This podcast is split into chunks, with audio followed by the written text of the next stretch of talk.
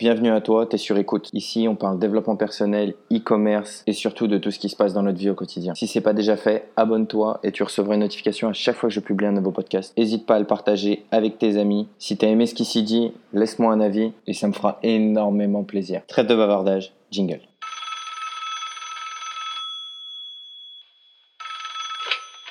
Allô, c'est toi? Quitte pas, t'es sur écoute. Maybe you should pull the fucking trigger. Ain't nobody gonna do for you? Pull the trigger. Boum Dans ta face. J'ai gagné. Euh, alors, pourquoi ce Shoryuken aujourd'hui alors que d'habitude on a un clic-clic-boom bah, Parce que c'est mon podcast et je fais ce que je veux. Merci d'être là. Ça fait une semaine qu'on ne s'est pas parlé, toi et moi. Et plus réellement, je veux ce Shoryuken parce qu'aujourd'hui j'ai envie de parler avec toi de boxe thaïlandaise. Et ouais, de la boxe thaïlandaise. Je sais pas si tu as déjà vu un peu le film Hong Bak, euh, mais c'est pas du tout ça. La boxe thaï, c'est un petit peu ce que tu pourrais voir dans des combats MMA, UFC et tout ça. Donc euh, c'est une boxe où tu as pied, poing, euh, mais aussi genoux et coude. Alors pour le moment, attention, je suis pas, enfin si je suis sur le ring, mais je suis pas, je, je compte pas me battre professionnellement. C'est juste, j'apprends ça pour le mindset. Un peu comme tous les arts martiaux, j'ai envie de te dire, il faut prendre en compte que quand tu fais un art martial et que tu dois te battre entre guillemets, t'es pas spécialement énervé. Mais c'est juste qu'à partir du moment où tu rentres dans le ring, tu dois changer de personnalité. Au moment où tu sors du ring, tu rechanges de personnalité. Et ce truc-là, moi, je ne l'ai pas en moi. Je m'énerve très rarement, enfin, je m'énerve très vite, au contraire, mais je, je me bats jamais. Euh, parce que je pense que c'est pas la solution, c'est pas, c'est pas la violence.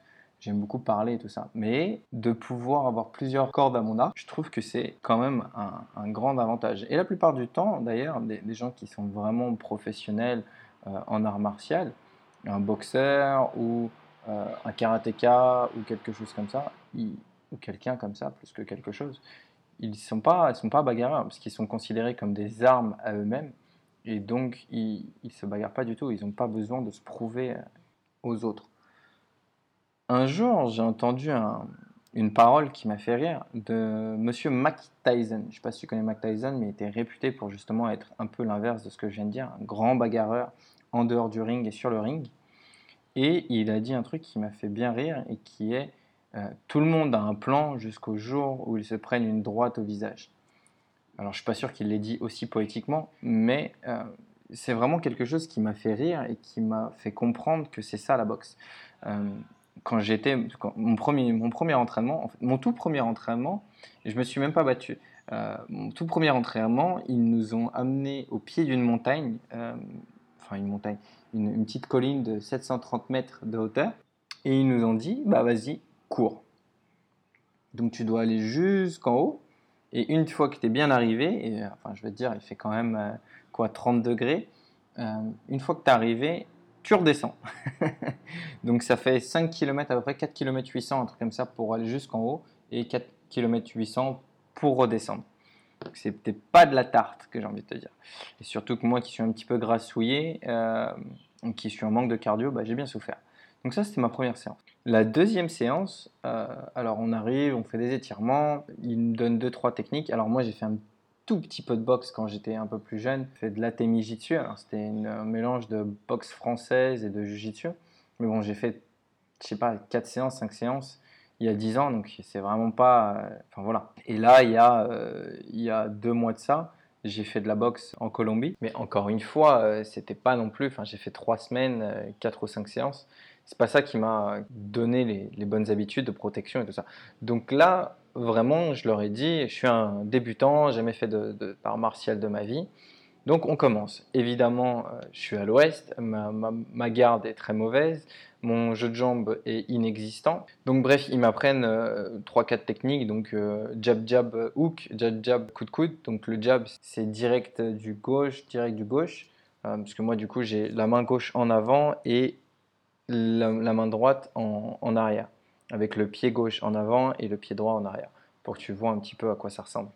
Donc on te dit coup de poing du gauche, coup de poing du gauche et crochet du droit. Ou coup de poing du gauche, coup de poing du gauche, coup de poing du droit et crochet, euh, crochet du gauche. Bon, bref, donc euh, tu vois, on m'apprend trois techniques comme ça. Et donc, au bout d'une heure, une heure et demie, on fait ça, on, on fait de la technique, on fait un peu de sparring. Donc, euh, sparring, c'est t'apprends un petit peu ce que tu viens de, ce que tu viens de faire. Donc là, en l'occurrence, nous, c'était, on, faisait du sparring en clinching. Donc le clinching, c'est quoi? C'est t'attrapes au niveau de la nuque quelqu'un. Enfin, c'est attraper en fait. Une clinch, c'est, c'est comme une clé de bras ou une clé, voilà. Donc là, en gros, t'attrapes de la nuque et t'essaies de t'en sortir. Donc ils nous ont appris deux techniques comme ça. Autant te dire que j'étais sur les rotules. Et là, ils viennent me voir et ils me disent Bon, tu montes sur le ring, c'est parti. je leur ai dit Mais vous rigolez Euh, Je suis beginner, euh, la main cassée. euh, ah oui, mais en plus, parce que je t'ai pas dit. Je me suis cassé la main l'année dernière en tapant dans un mur.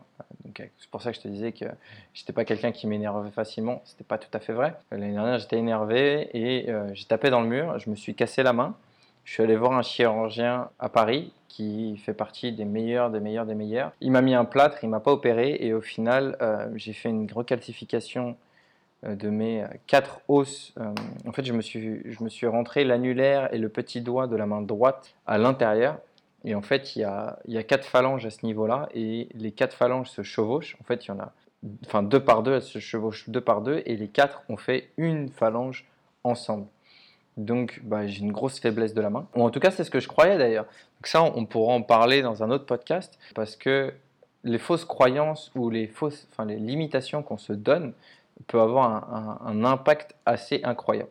Et c'est pour ça que je me suis mis à la boxe, euh, à la boxe taille, parce que je me suis aperçu que bah, bien que ma main elle soit cassée, bien que j'ai des faiblesses, ça m'empêche pas de quand même taper dans un sac et au pire de, de taper avec les jambes ou avec les coudes ou de- de plus taper avec la main gauche.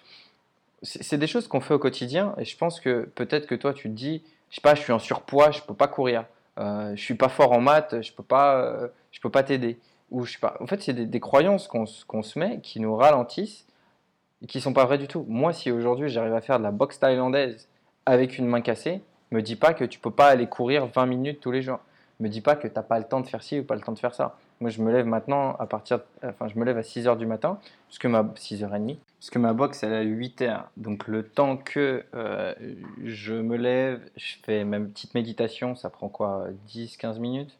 Après, je fais mes étirements du matin. Donc j'ai une application pour ça. Euh, D'ailleurs, j'ai 25% de réduction sans moi gagner d'argent. Donc si ça vous intéresse, c'est une application qui s'appelle Calm. C'est un petit peu de pub gratuite encore une fois, mais j'ai l'impression que je suis un peu un, un promoteur sur mon podcast. Mais cette application, elle cartonne euh, vraiment. euh, Enfin, elle déchire. Elle cartonne. Je sais pas si elle cartonne, mais elle déchire. Moi, je la kiffe. Et si tu la veux, par contre, c'est qu'en anglais, j'ai 25% de réduction dessus. Je te file les 25%. Moi, je ne suis pas payé. Je suis pas. Enfin voilà, il me donne rien du tout. Juste, il, il m'offre 25%. Moi, j'ai pris l'abonnement à vie pour te dire à quel point je la kiffe. Donc, toujours est-il, le matin, je me lève 6h30 tous les jours de la semaine. Le week-end, j'essaie de, de me réveiller euh, avec le soleil, en fait. Donc là, par exemple, aujourd'hui, je me suis levé, il était 8h45, un truc comme ça, et aujourd'hui, on est samedi. Hier, je me suis réveillé à 7h30, mais enfin, tu vois, je me réveille quand même assez tôt, et je me couche quand même vers minuit, un truc comme ça. Donc j'ai le temps, et je fais du sport, je bosse, je fais des podcasts, euh, il fait super chaud chez moi. Donc tu peux trouver autant d'excuses que tu veux, mais toujours est-il que si moi j'arrive à faire de la boxe avec une main cassée, je pense que tu peux faire des choses. Voilà. Bref, pourquoi la boxe taille Hormis le fait que bah, je suis en Thaïlande et quand même la boxe taille, ça reste le sport traditionnel. Quand quand tu es un boxeur ici, tu es vu un petit peu comme un, comme un dieu. C'est pas mon intérêt d'aller boxer sur des rings comme je te disais, mais le mindset, vraiment l'état d'esprit, comme on en parlait peu avant, ce dicton de, Mike Tyson, quand tu te prends une droite dans la tête, t'as plus de plan.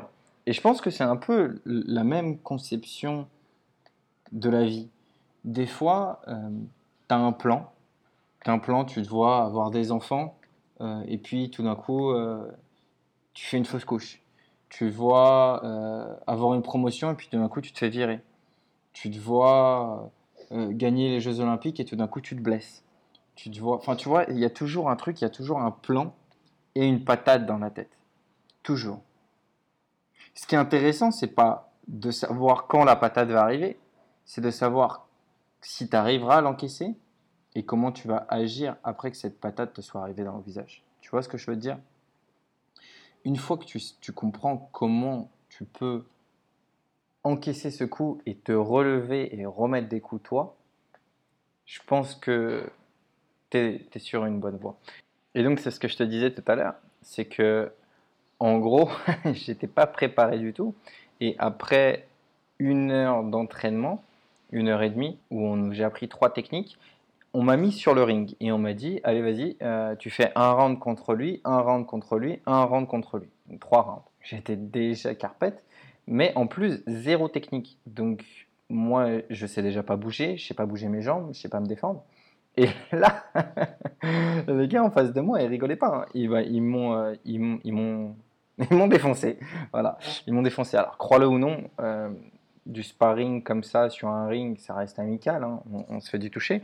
Maintenant, si tu tombes en face de la mauvaise personne, ou que toi, tu, tu, tu sais pas te défendre, en l'occurrence, bah, tu, tu te fais écraser.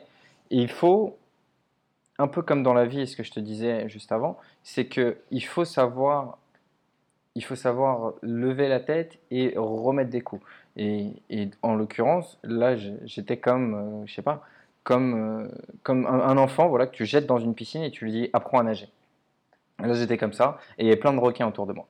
Mais si tu veux pas te faire bouffer par les requins, il faut te défendre. Et là, en l'occurrence, bon bah voilà, je savais pas quoi faire. Bah, J'ai j'ai donné des coups, euh, j'ai essayé de me défendre comme je pouvais. C'était pas très joli à voir. Je me suis fait éclater, mais ils ont compris que j'étais pas non plus là pour être leur punching ball. J'étais là, j'étais pas là pour me laisser faire. Et je pense que c'est ce qu'il faut que toi tu retiennes de cette leçon aujourd'hui, c'est que des fois, la vie, tu, enfin, je sais pas. Par exemple, j'ai perdu l'année dernière, j'ai perdu mon père. J'étais pas prêt pour ça. Tu vois, c'était comme on m'a mis sur un ring, je me suis pris une droite. Bah, il faut quand même te ressaisir. Tu vacilles au début, c'est normal, mais il faut remonter ta garde et il faut repartir à l'entraînement. Il faut taper plus fort, taper plus dur et te dire, bah voilà, tu t'es pris un coup et tu vas t'en reprendre encore plein d'autres dans la vie. Mais il faut avancer, il faut chasser, il faut chasser ce, ce- démon du euh, euh, c'est trop dur ou c'est trop compliqué ou je peux pas ou j'y arriverai jamais. C'est pour ça que moi je, me suis mis à la boxe parce que je me suis dit qu'il fallait que j'arrive à pouvoir surmonter certains obstacles, aussi une, certaine discipline parce que enfin tu te rends compte que de monter sur un ring et et de devoir te battre avec quelqu'un, il te faut quand même une certaine discipline pour te dire j'ai envie d'y retourner et me faire taper sur la gueule. Parce que là, je, vais, je suis parti pour un an, mais là, je vais partir pour un an à me faire massacrer. Alors, je pense qu'au bout de deux, trois mois, je risque d'a- d'apprendre quand même, enfin, je risque, je vais apprendre certaines techniques et je vais savoir mieux me défendre, mais je vais toujours tomber, tu tombes toujours sur quelqu'un qui est plus fort que toi. Donc, il ne faut pas faire le kéké à te dire non, mais c'est bon, dans un an, tu seras une bête. Tu, peux, tu seras une bête dans un an, mais tu vas tomber sur un mec, ça fait 20 ans qu'il s'entraîne. Alors, comme je te disais, encore une fois, on en parlait sur les chiffres la dernière fois. Mais euh, alors, si tu n'as pas entendu mon podcast sur les chiffres, je te conseille d'écouter mon podcast sur les chiffres. C'est une tuerie. Allez, petite promotion gratuite pour moi aujourd'hui. Écoute mon podcast sur les chiffres, c'était une tuerie. Si tu si as kiffé le podcast sur les chiffres ou que tu kiffes ce podcast-là, n'hésite pas à le partager avec tes amis, parle-leur de moi. N'hésite pas à leur dire de venir me contacter at Nick Growth Designer sur Insta, Growth pour croissance en anglais. Donc qu'ils n'hésitent pas à me contacter. Pourquoi? Oublie pas que celui ou celle qui écoute mon podcast aura aussi une chance de gagner un week-end chez moi, dans cette petite chambre-là d'amis. Alors petite chambre de 30 mètres carrés hein, quand même. Mais voilà, avec piscine, salle de sport, vue sur le golf court. Venez, vous êtes les bienvenus, toi, tes potes. Pas tous en même temps par contre. voilà. Donc, j'apprends, mais il faut bien rester humble. Toi-même, tu devrais apprendre. Alors, je te conseille, si tu fais un sport, bah, juste de le voir de façon humble et de, et de continuer et de te dépasser et de, de voir est-ce que tu peux pas t'améliorer, toi, ou est-ce que tu peux pas rencontrer des gens qui sont plus forts que toi? Et apprendre. On apprend toujours des gens qui sont plus forts que nous que des gens qui sont moins forts. Et ce concept du, sport, ça te donne vraiment une éthique de, bah, je sais pas, quelqu'un qui veut faire de l'athlète, par exemple, j'ai euh, mon demi-frère qui, euh, qui, est- champion de France en athlète, je crois, ou, enfin, je sais pas, il a gagné des médailles quand même. Bah, Baptiste, je te salue. Et euh, en plus, il est beau gosse. Donc, si tu es une fille, passe-lui le bonjour. Si tu es un mec, bah, quand même, passe-lui le bonjour aussi parce qu'il pourrait t'apprendre deux, trois trucs, euh, comment être archi, archi fit, par exemple.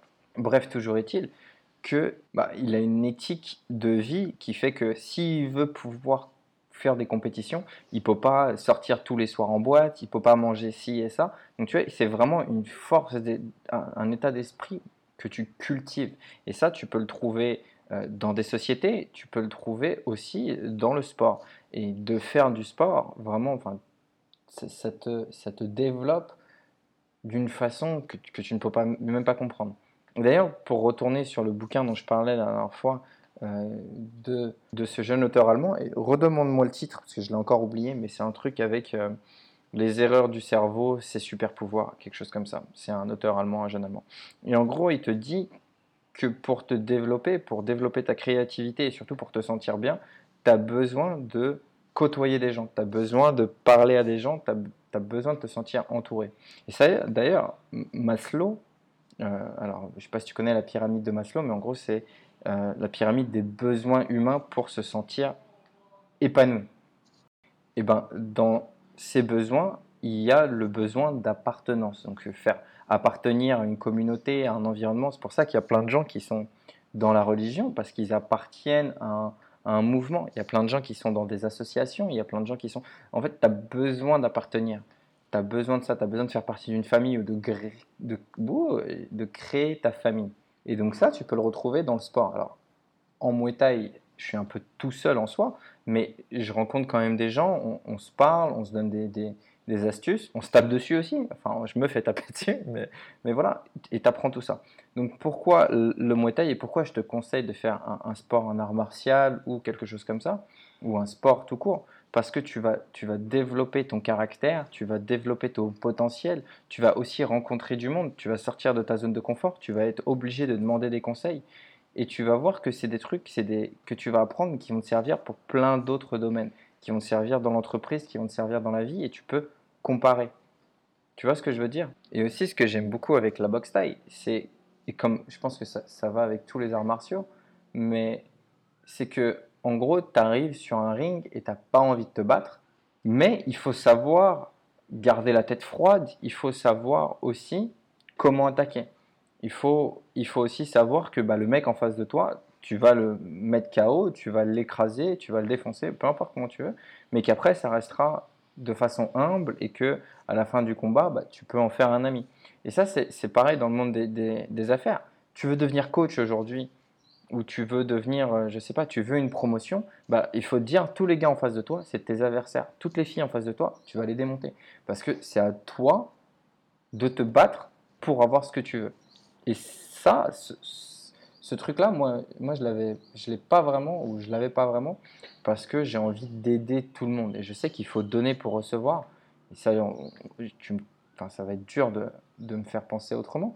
Mais je sais qu'il y a des moments où il me faut vraiment cette, cette envie de gagner, cette envie de me battre, et cette envie de me dire, euh, bah, tu montes sur le ring, tu changes de personnalité, tu as l'œil du tigre. Et, et ça, la boxe, c'est ce que ça va m'apporter. Alors toi, c'est peut-être pas de la boxe, hein, c'est peut-être du yoga, c'est peut-être de la natation, c'est peut-être tout ça, mais, mais ça va te permettre vraiment de grandir et de, de pouvoir contrôler tes émotions, du fait que bah, tu es énervé. J'en parlais avec ma copine par exemple la dernière fois, je lui disais ah, bah, j'ai appris euh, à mettre des coups de coude et tout ci et tout ça. Et elle me dit ah mais moi si je me prends un coup de coude c'est sûr euh, je lui mets un coup de pied dans les couilles ou un truc comme ça. Et tu vois il n'y a pas ce contrôle. Mais quand tu t'apprends de la boxe ça, te donne bah, tu t'es pris une droite elle t'a fait super mal t'es tombé KO tu vas pas te relever et mettre un coup dans le dos de, l'autre mec. Et c'est comme bah, ta meilleure amie, euh, elle, t'a mis, fait un coup de crasse, ton mec il t'a trompé, ou ta copine elle t'a largué pour, ton, pour ton frère, je sais pas moi. Bah, c'est un coup de crasse, mais tu, il, faut encaisser et te dire ok bon bah voilà c'était pas cool, mais c'est fini, je passe à autre chose. Parce que au final, peu importe ce qui se passe autour de toi, si toi tu, tu gardes ton état d'esprit positif, tu avanceras plus rapidement et surtout plus loin en te fatiguant beaucoup moins vite que les autres. Tu comprends ce que je veux te dire? C'est un petit peu la leçon du jour, c'est un petit peu ça. Et, moi, je l'apprends, ou je, l'apprends au quotidien et je l'ai appris, je m'en suis aperçu via. Donc il y, y a tout ça, il y a l'état d'esprit, il y a aussi, avec la boxe, on t'apprend vachement à respirer. En- Enfin, surtout parce que à la boxe, je te disais, j'ai des cours de yoga à côté, et on t'apprend vachement la respiration. Et respirer, mais on ne se rend pas compte à quel point c'est important dans notre quotidien. On a besoin de, vraiment de respirer. Et quand tu respires, des fois tu respires.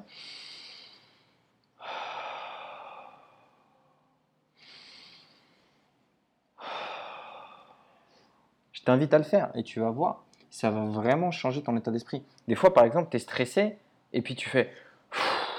Et bah tout de suite, tu te sens soulagé, tu vois. Tu as, un coup de stress ou tu es énervé ou tu es fatigué et tu souffles et boum. Mais tu, le fais inconsciemment. Mais si tu le faisais consciemment, ça t'aiderait. Donc on va résumer pourquoi la boxe? 1. Le mindset. Vraiment, bah, de me lever le matin pour aller me faire taper, euh, c'est pas cool. Mais je sais que c'est voilà, tu t'apprends à te faire taper pendant plusieurs mois et après c'est toi qui tapes. Et après tu te referas taper et après tu taperas encore. Donc un, le mindset, la, force de caractère. Deux, de pouvoir changer d'état d'esprit, de dire oh, là je suis très calme et après je vais me transformer en combattant et après je vais redevenir cette personne calme. En plus de l'état d'esprit, il y a le contrôle des émotions. Bah, tu t'es fait taper, tu t'es fait taper, tu t'es fait taper. Il faut quand même que tu restes dans les règles. Dans les règles de l'art, tu peux pas tout d'un coup arriver et mordre l'autre personne. Comme bah, Tyson, c'est ce qu'il a fait. Il a arraché euh, un bout d'oreille de- d'Holyfield à l'époque, je me souviens. Mais voilà, il faut. T'apprends à maîtriser ça et t'apprends à maîtriser ton corps aussi. Tu comprends le, le dépassement de soi. Donc tu vois, tout ça, juste trois choses là que je viens de te dire, qui sont très importantes, que tu peux avoir dans la vie, avoir besoin, tu peux l'apprendre juste en faisant des cours de boxe taille. Mais en plus de ça, souviens-toi, écris-le sur ton mur ou voilà. Tout le monde a un plan jusqu'au jour où on se prend une droite dans la tête. Et dans la vie, c'est ça. Et donc, il faut être prêt à, esquiver certaines droites. Il faut être prêt à, à les voir arriver, à savoir les encaisser et à savoir riposter. Et ça, en apprenant la boxe, tu peux aussi le mettre sur autre chose. Et encore une fois, je te parle de boxe, mais tu peux être footballeur ou footballeuse et tu te prends un ballon dans la tête ou tu te prends un ballon euh, entre les jambes ou tu t'es pris et tu t'as perdu 5-0 et puis après tu as perdu 3-0 et puis après tu as perdu 10-0. Ben, Il faut savoir euh, te relever et te dire c'était un match, c'est fini, maintenant on repart de l'avant et le prochain on le gagne. Ah, attention, je dis pas que c'est facile. Perdre quelqu'un de sa famille, perdre un match, perdre un combat, se faire taper sur la tête, c'est jamais facile. Mais j'ai envie de te dire, la vie c'est comme ça. ça tu es obligé de prendre des coups, tu es obligé d'en esquiver certains, tu es obligé d'en voir certains arriver.